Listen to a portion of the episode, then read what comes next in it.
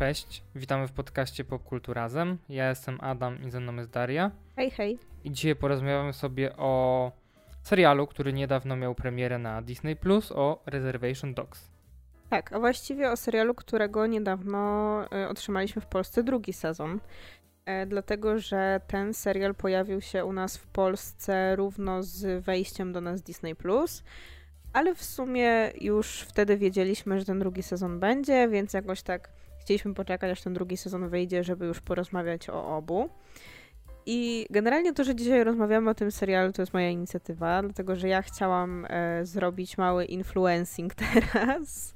E, I ja chcę zobaczyć, że za jakiś miesiąc na Filmwebie będzie te 100 więcej ocen, bo jest was tutaj subskrybując około 100, więc ma być te 100 ocen więcej, dlatego że ten serial jest tak mało znany, a jest tak świetny, że dla mnie to jest aktualnie mój serial życia i no, czekamy na trzeci sezon na razie. Ale na razie mamy dwa i będziemy rozmawiali o tych dwóch tak raczej ogólnie, żeby wam zbyt wiele nie zdradzać.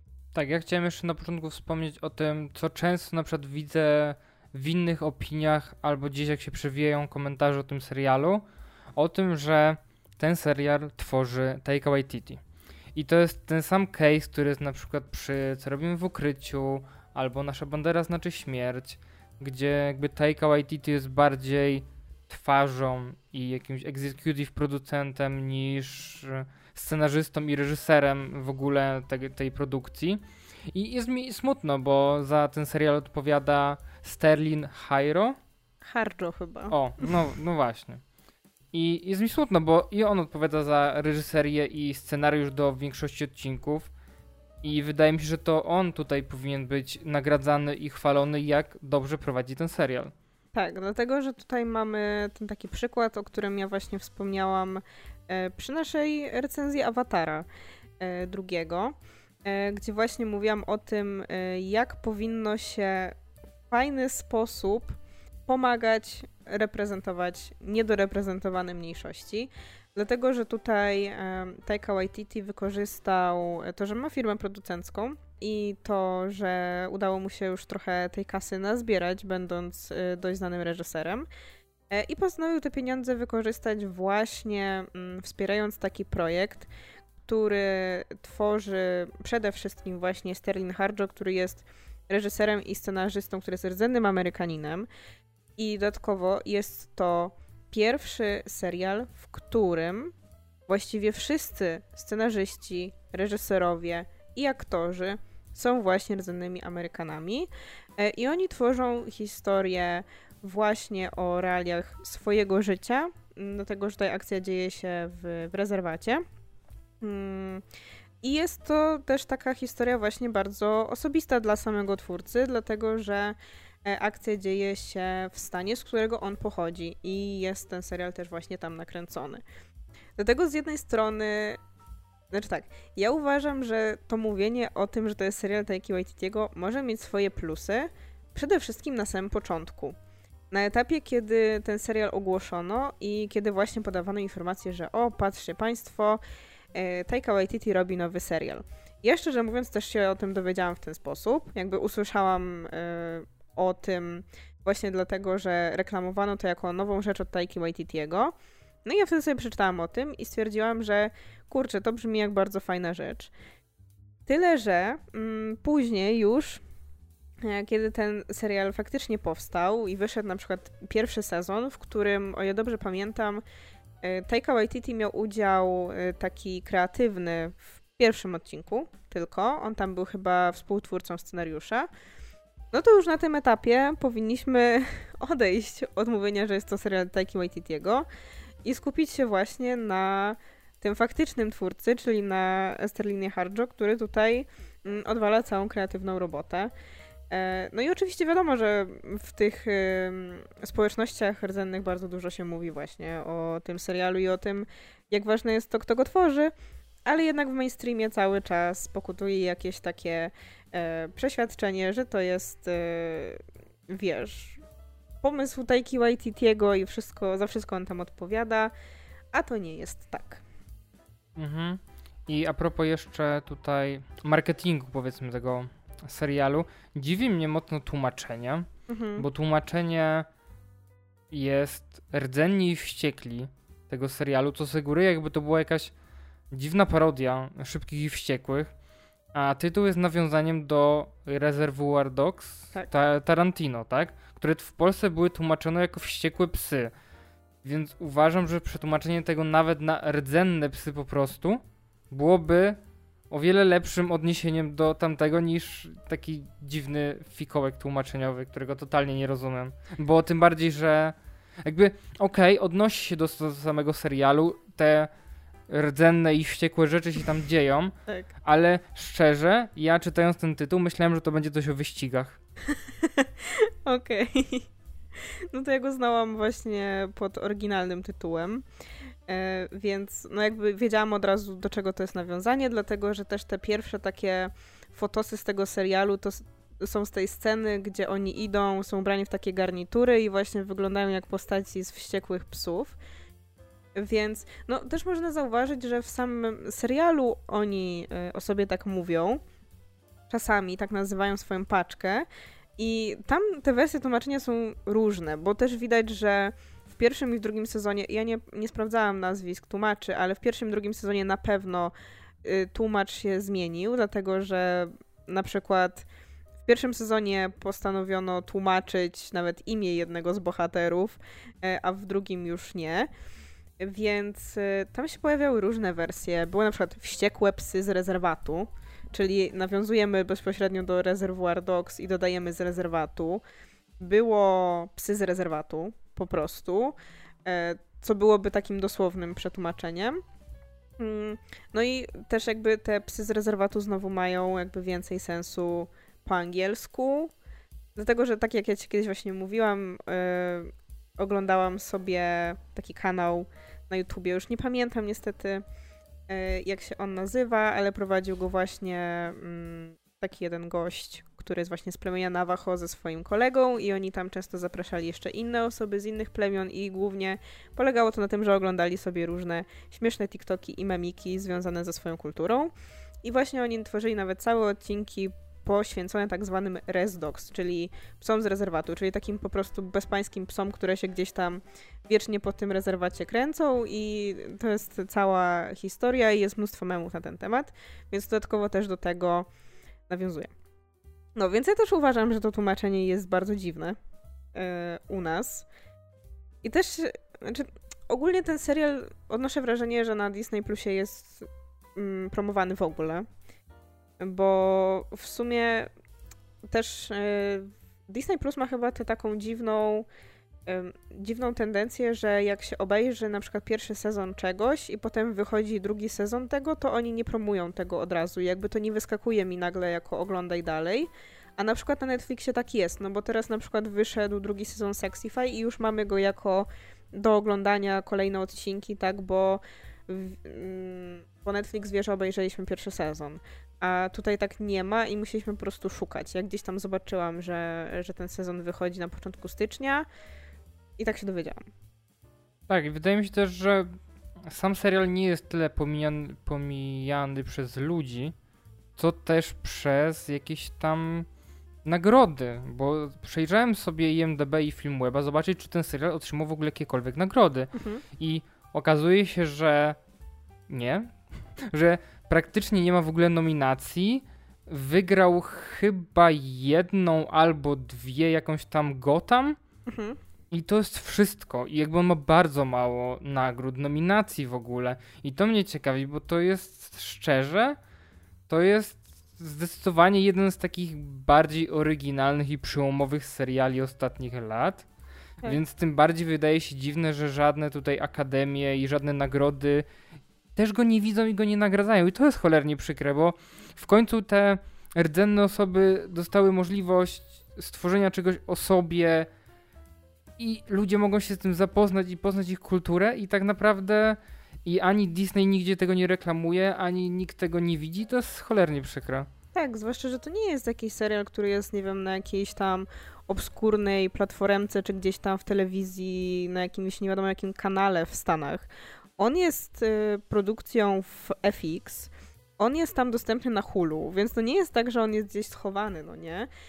Ale no niestety odnoszę wrażenie, że nagrody Emmy, którymi jakoś ja się za bardzo nie interesuję, bo to są takie, wiadomo, największe nagrody serialowe, one już działają troszeczkę jako Oscary, nie? Czyli, że mm, jak mamy jak widzi się nominacje, czy to do Oscarów, czy do Emmy, to się odnosi wrażenie, jakby w roku wyszło 10 filmów, bo we wszystkich kategoriach generalnie powtarzają się te same tytuły.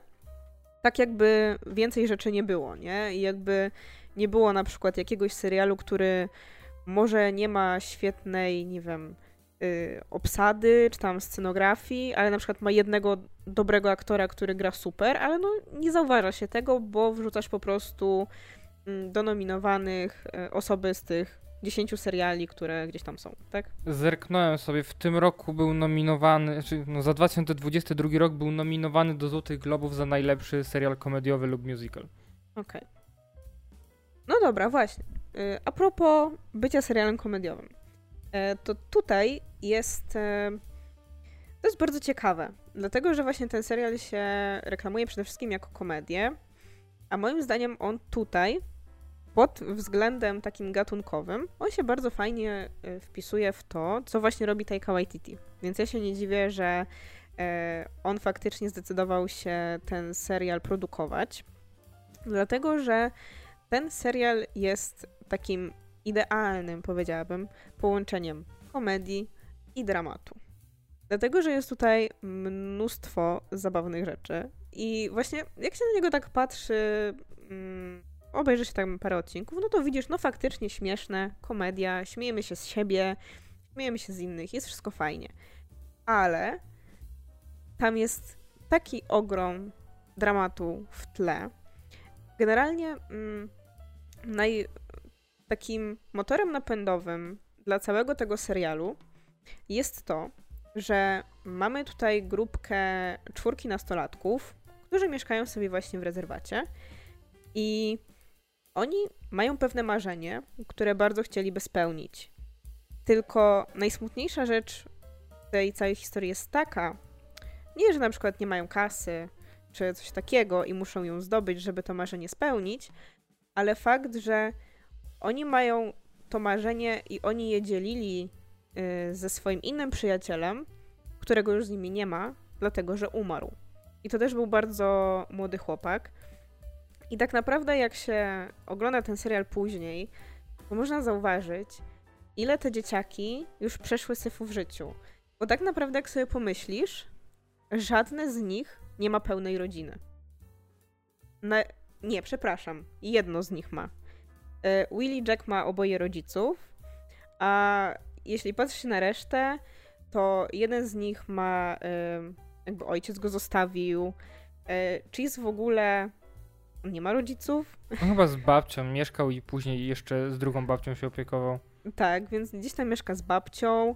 E, potem jest Elora, która też nie ma rodziców, bo jej mama w ogóle zmarła, kiedy ona była malutkim dzieckiem i też mieszka z babcią.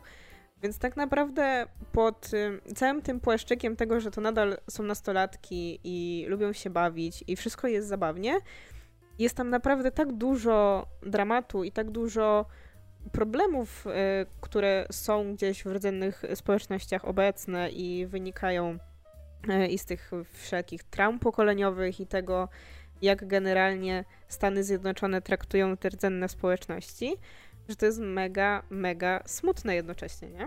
Tak, zgadzam się. Jakby ja też uważam, że serial pod warstwą komediową jakby ta warstwa komediowa nie przykrywa tego dramatu, jest tak. jakby takim dodatkiem, oni, jakby ten humor nie jest głupi, w sensie mhm. on jest bardzo dobrze wyważony, te żarty są naprawdę inteligentne i wpisują się jakby w całą otoczkę i treść serialu, że oni się gdzieś tam nabijają ze swoich przywar, ze swojej kultury, czy tam zachowań i to nie jest takie, że ja to oglądam i czuję jakąś taką żenadę i to nie jest tak, że ja oglądam to i mam takie, no Jezu, ktoś się śmieje z kogoś i to jest takie jajks, tylko mhm. rzeczywiście oni się śmieją z samych siebie i to jest bardzo fajne, że potrafią zauważyć te swoje takie wady i śmiać się z nich i wyolbrzymić je, nie? ale a propos jeszcze tego, co powiedziałaś, e, tego, co, wiesz, Amerykanie im zrobili, że ich wysiedlili z ich terenów, tak? To, to się obawiałem tego trochę w tym serialu, że, mm, że ten serial może skupić się na opowiadaniu tego, wiesz, jacy to my jesteśmy teraz uciśnieni, że oni nas wywali z tych naszych terenów, a tak naprawdę ten wątek to jest tak bardzo w tle. W sensie oni gdzieś tam wspominają, wiadomo, no bo to jest część, część ich historii, tak? Ale no to jest jakaś tam po prostu część ich historii i to nie jest główny, jakby główna oś fabularna i to też mi się podoba, że potrafili to tak dobrze wyważyć. Tak, bo przede wszystkim to jest serial po prostu o realiach życia w rezerwacie. A tak naprawdę te wszystkie rzeczy, które właśnie wynikają z tych pokoleniowych traum, e, one po prostu są, one stały się tym elementem życia. Właśnie to, że niektórzy ludzie mają problem z alkoholem, to, że te związki często nie są trwałe, to, że ludzie y, chorują na depresję, to, że ludzie często umierają młodo. To są rzeczy, które oczywiście z tych traum pokoleniowych wynikają, ale ten serial też nie jest taki, żeby nam powiedzieć, patrzcie teraz, kochani y, ludzie biali, którzy oglądacie to z zewnątrz. Ja wam teraz wytłumaczę, dlaczego tak było, no nie? To są po prostu rzeczy, które tam są i dla y, osób z tych społeczności to jest codzienność, no nie? Więc nie musisz jakby tego tłumaczyć.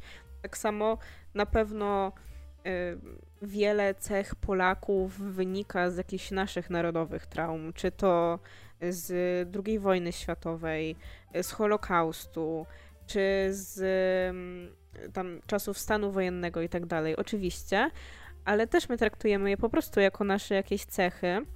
Mm, I nie musimy za każdym razem tłumaczyć, dlaczego tak jest, no nie? Po prostu wiemy, z czego to wynika i dlaczego jesteśmy tacy, jacy jesteśmy, i tam jest bardzo podobnie, tak?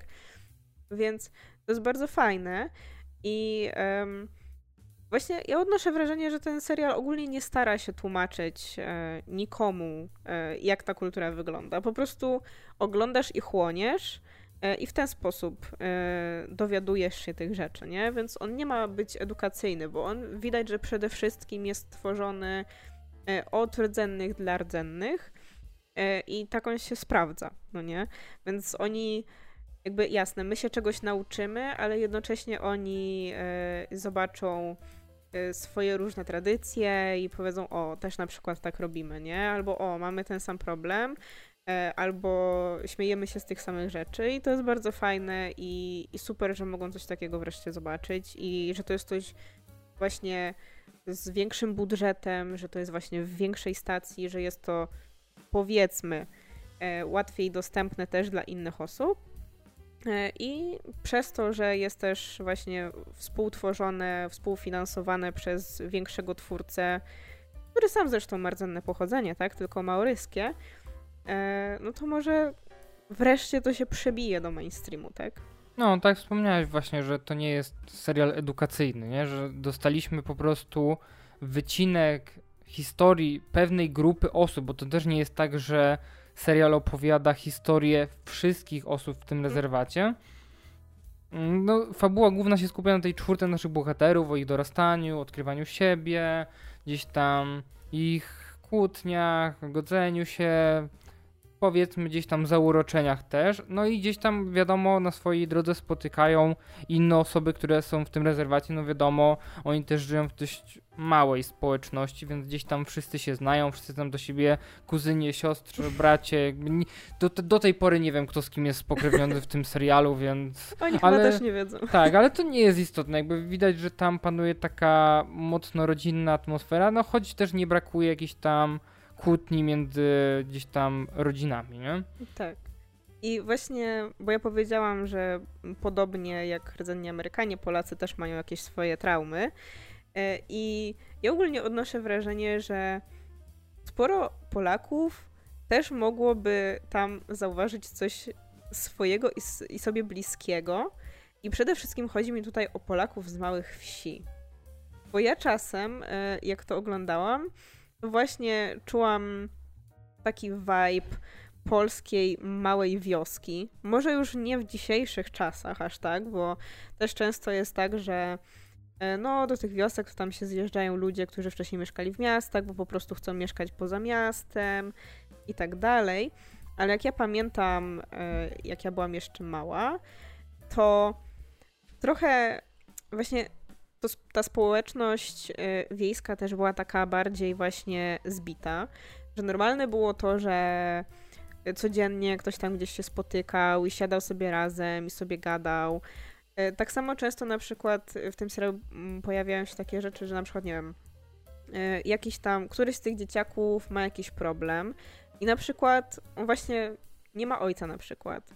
I wtedy jakiś dowolny inny tam sąsiad, który gdzieś jest, pewien sposób przyjmuje tę rolę tego ojca w jakiejś konkretnej sytuacji, tak? I, i potrafi doradzić, więc też odnoszę takie wrażenie. Podobnie na przykład był um, jeden odcinek, w którym um, doszło do śmierci pewnej osoby starszej. E, I była właśnie taka sytuacja, gdzie mnóstwo ludzi się schodziło do domu i oni właśnie siedzieli z tą osobą cały czas. I to też mi się mega skojarzyło na przykład z momentem, kiedy zmarł mój dziadek. Dlatego, że właśnie Tutaj to się akurat wydarzyło jeszcze, jak ta osoba była chora, że już ci ludzie właśnie przychodzili i po prostu czuwali. Ale u mnie na przykład właśnie było tak, że jak dziadek zmarł, e, to właśnie dużo osób ze wsi, takich właśnie w jego wieku, takich jego znajomych, że oni przychodzili do nas do domu i na przykład właśnie się modlili albo śpiewali. I to było bardzo podobne e, pod tym względem, nie?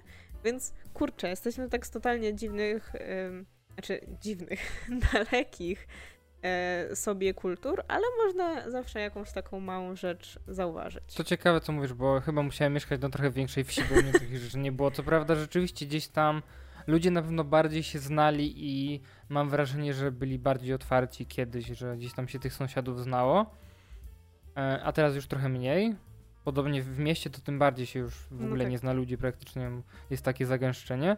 Ale no ja na przykład nie miałem takiej sytuacji. W sensie u, u mnie umarł dziadek i no ja właśnie mówię, że jakby to było dla mnie żywe, ale właśnie tylko w pokoleniu właśnie mojego dziadka, nie? Mój dziadek miałby teraz 90 lat ponad, więc to już takie wymierające pokolenie. A propos skupienia się na e, tych postaciach, co mówiłaś e, w serialu, to jest w ogóle ciekawa kwestia, bo ja podczas oglądania serialu drugiego sezonu mhm. mówiłem o tym, że średnio mi się podoba to, że drugi sezon bardziej skupia się na pojedynczych postaciach i mniej na tych grupowych, co wynika z pewnej sytuacji, która się wydarzyła pod koniec pierwszego sezonu mhm. i która jest kontynuowana w drugim sezonie, tak?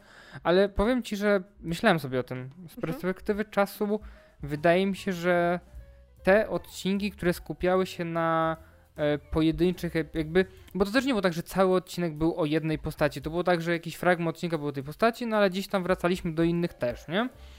I jak sobie właśnie tak myślę, że jakby to były takie bardzo osobiste te odcinki, nie? I przez taką mm, zwykłą rozmowę, bo tam nie, nie, nie, dzieje się dużo w tych odcinkach, nie? Mhm. Głównie ci bohaterowie rozmawiają, to nie jest tak, że to jest jakiś serial akcji, bardziej bym powiedział, że to jest też taka obyczajówka mocno i właśnie przez takie proste rozmowy typu jak w pierwszym, co było w pierwszym sezonie, jak e, gdzieś tam Cheese miał problem i poszedł, gdzieś tam spotkał tego szeryfa i oni razem jeździli po tym mieście i rozmawiali i gdzieś tam spotykali jakieś osoby i oni wchodzili w nim w interakcję i nawet po takich małych rzeczach można było tak poznać i rozwinąć bohaterów, że dla mnie to było niesamowite. I pamiętam też był odcinek, jak Willie Jack była na polowaniu ze o swoim Jezu, ojcem. To był to, jeden z tak, najbardziej takich wyciskaczy łez. Tak, to Mega. był super odcinek, to prawda, nie? I Podobnie mamy na przykład w drugim sezonie y, odcinek, w którym Bear idzie do pracy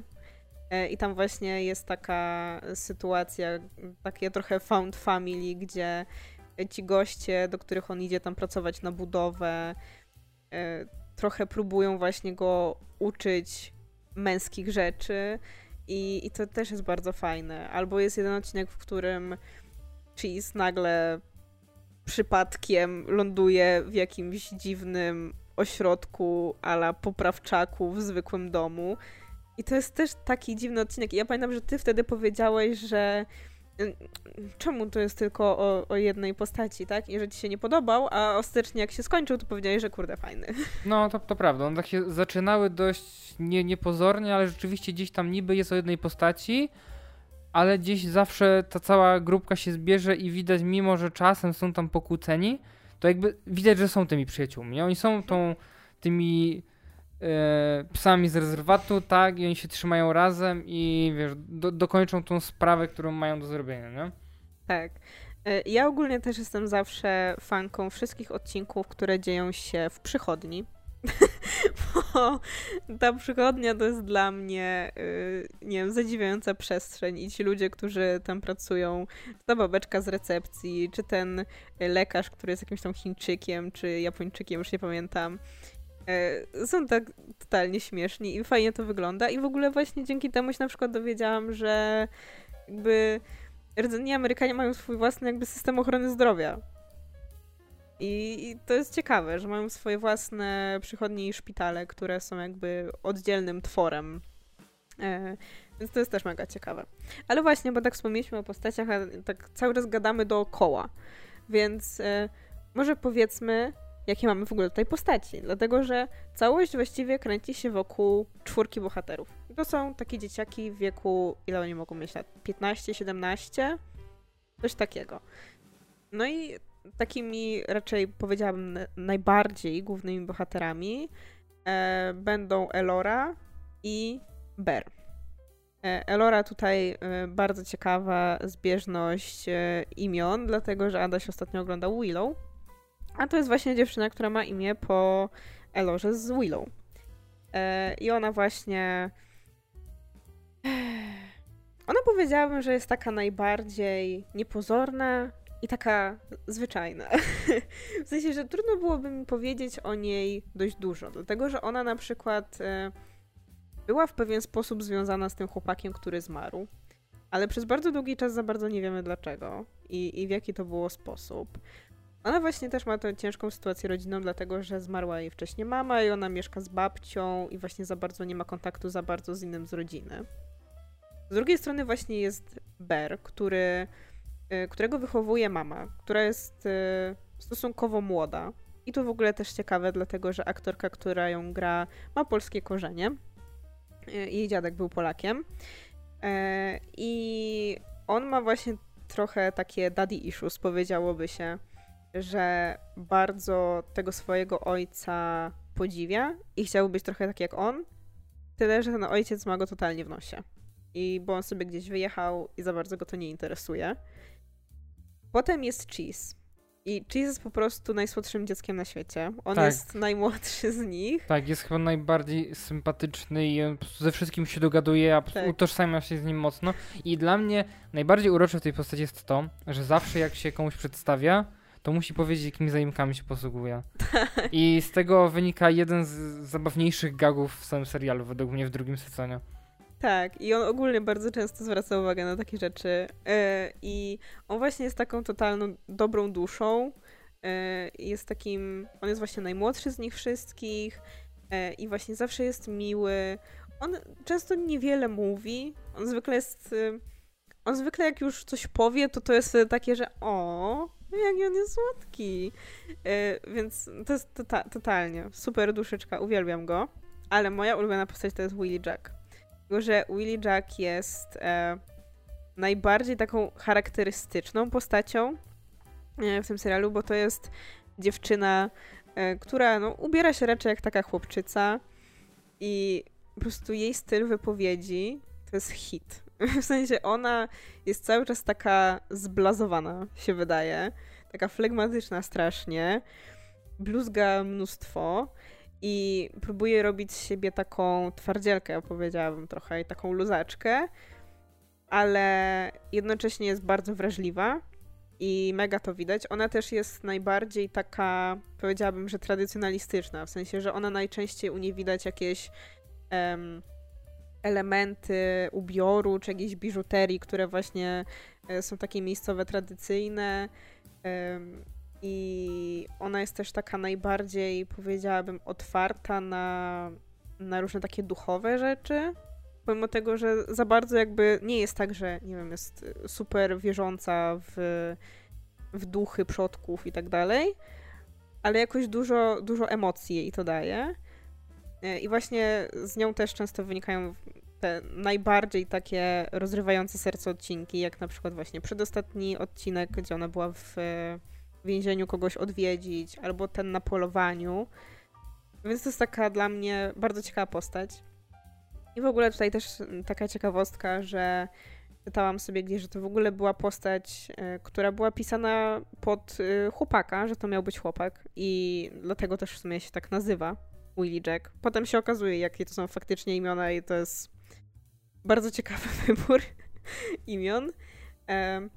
Ale po prostu aktorka przyszła e, i rozwaliła wszystkich właśnie swoim sposobem bycia, sposobem wypowiadania się, więc zmieniono w ogóle całą postać pod nią. Nawet nie wiem, czy aktorka, bo ona chyba wcześniej nigdzie nie występowała, nie? Tutaj jest też dużo takich e, osób, które są po prostu osobami z rezerwatu i znaczy załapały się do serialu, to może źle zabrzmi, ale po prostu nie byli wcześniej aktorami, nie mieli takiej możliwości, a teraz nadarzyła się taka okazja i w końcu mieli możliwość wykazania się. Tak, no takim e, przykładem jest właśnie ten chłopak, który gra Chiza, bo ja w ogóle czytałam, że on nie dość, że właśnie nie był wcześniej aktorem, to po prostu pochodzi z tamtego miejsca, gdzie oni nagrywają. Więc e, on jest właśnie miejscowy, bo tam dużo też, e, część tych aktorów jest w ogóle z Kanady. Więc oni są też e, rdzonymi Amerykanami, ale z Kanady i tam z tamtych plemion, więc pewnie też mogą mieć troszeczkę inne doświadczenia. E, ale no, ale on jest właśnie taki miejscowy.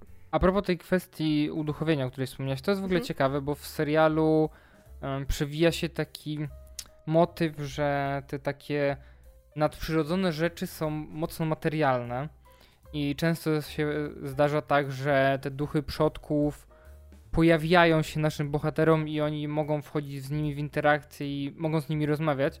I jednym takim przykładem jest ten wojownik, który objawia się Berowi i to jest jakby oglądasz to i to jest taki, mm, jakby to nazwać, nie wiem, pastisz, nie mhm. wiem, w sensie to jest taka parodia wojownika z tamtych czasów, że to jest dla mnie tak niesamowite, że w sensie to tak jakby ktoś wziął, nie wiem, polskiego husarza i zrobił z niego totalną fermę, nie? I który gdzieś tam wykrzykuje, ale to jest niesamowite, jakby to mi się bardzo podoba, w sensie, że zakładam, że ten wojownik, jak żył w swoich czasach, to dla niego te rzeczy, które on robi, mogły być normalne. W sensie takie wydawanie z siebie takich okrzyków, dźwięków.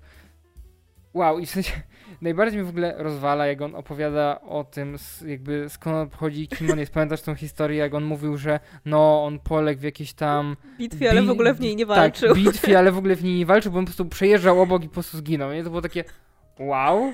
No. Nies niesamowita była ta postać, jakby i mimo, że jest właśnie taką mocno komediową postacią i na pierwszy rzut oka masz wrażenie, że ona w ogóle nie pomaga temu Berowi, to mimo wszystko daje mu takie rady, powiedzmy, które możesz odebrać dwuznacznie, w sensie, że one no. są takie, że możesz powiedzieć, że ale on głupot wygaduje, ale możesz to, wiesz, zinterpretować na swój sposób i ma to sens.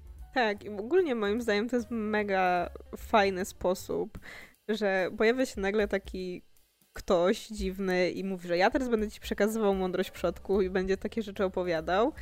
E, przy czym ogólnie to wprowadzanie tych takich elementów folklorystycznych i takich um, nadprzyrodzonych jest tutaj ciekawe, dlatego że to nie jest tak, że ci wszyscy bohaterowie w to wierzą. To nie jest tak, że Ber jest jakimś, nie wiem, właśnie e, osobą, która totalnie wierzy, że te duchy przodków istnieją i że mogą się zmaterializować.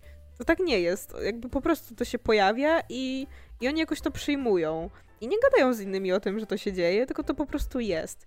Tak samo pojawia się też um, wątek cały czas tej y, kobiety sarny, czy kobiety jelenia. I to też jest tak, że ty nie wiesz tak naprawdę, czy ona faktycznie istnieje, czy nie. Yy, więc, więc to jest mega, mega fajnie pokazane, nie? Jak można pomieszać te tradycyjne wierzenia z takim codziennym życiem, nie? Więc też mi się to bardzo podobało. No, tam pojawia się też wątek klątwy i tego dziwnego wujka, więc jest trochę tych wątków i to jest bardzo fajne urozmaicenie tego wszystkiego.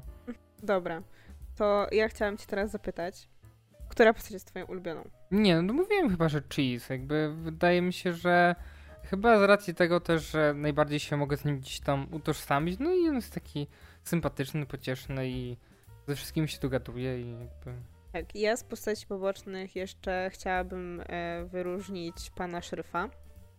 E, I tu też w ogóle ciekawostka, że e, instytucja szeryfa z rezerwatu to nie jest to samo co szeryf po prostu. Mm, Znowu, the more you know. I to jest też właśnie ciekawa postać przez to, że mm, on wydaje się wierzyć te wszystkie rzeczy, w ten cały folklor, w to, że gdzieś tam jest jakiś, nie wiem, wielka stopa, y, babeczka, która jest jeleniem y, i tak dalej.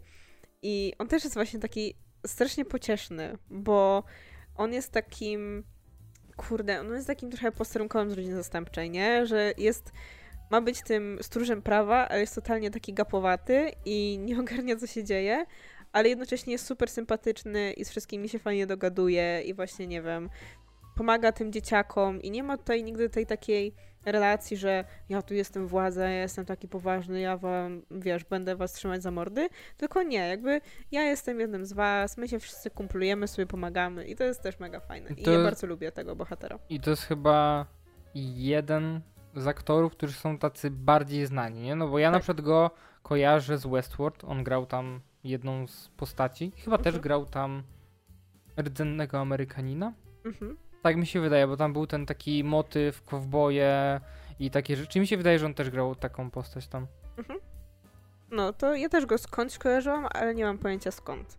Ale właśnie on, tak, on jest na pewno jednym z takich bardziej znanych e, aktorów tam, no bo reszta to jest właśnie trochę zbieranina e, osób, które dopiero zaczynają, trochę takich, które wystąpiły w paru rzeczach. Widziałam tam, że na przykład e, ten wujek właśnie, który odpędzał tornado, jest w ogóle muzykiem, bardzo znanym w pewnych kręgach y, że jest na przykład takich dwóch ym, gostków, którzy są raperami, jeżdżą na rowerach i są też takimi śmieszkami oni w ogóle byli gdzieś tam w Mam Talent. Jest w ogóle gość, który się nagle pojawia jako jakiś wujek i się okazuje, że to jest typek, który został w ubiegłym roku jakoś viralem na TikToku, bo jechał na deskorolce i śpiewał coś i, i się okazuje, że jest rdzennym Amerykaninem i wzięli go do serialu i wystąpił parę razy i jeszcze tam chyba kiedyś się tam nawiązał do TikToka, a potem go aresztowali i to się skończyło. Więc, y, więc to jest w ogóle mega fajna szansa, żeby się, się też pokazać i to jest spoko. A i pojawia się w jednym odcinku aktorkę, którą można na przykład y, kojarzyć z Prey.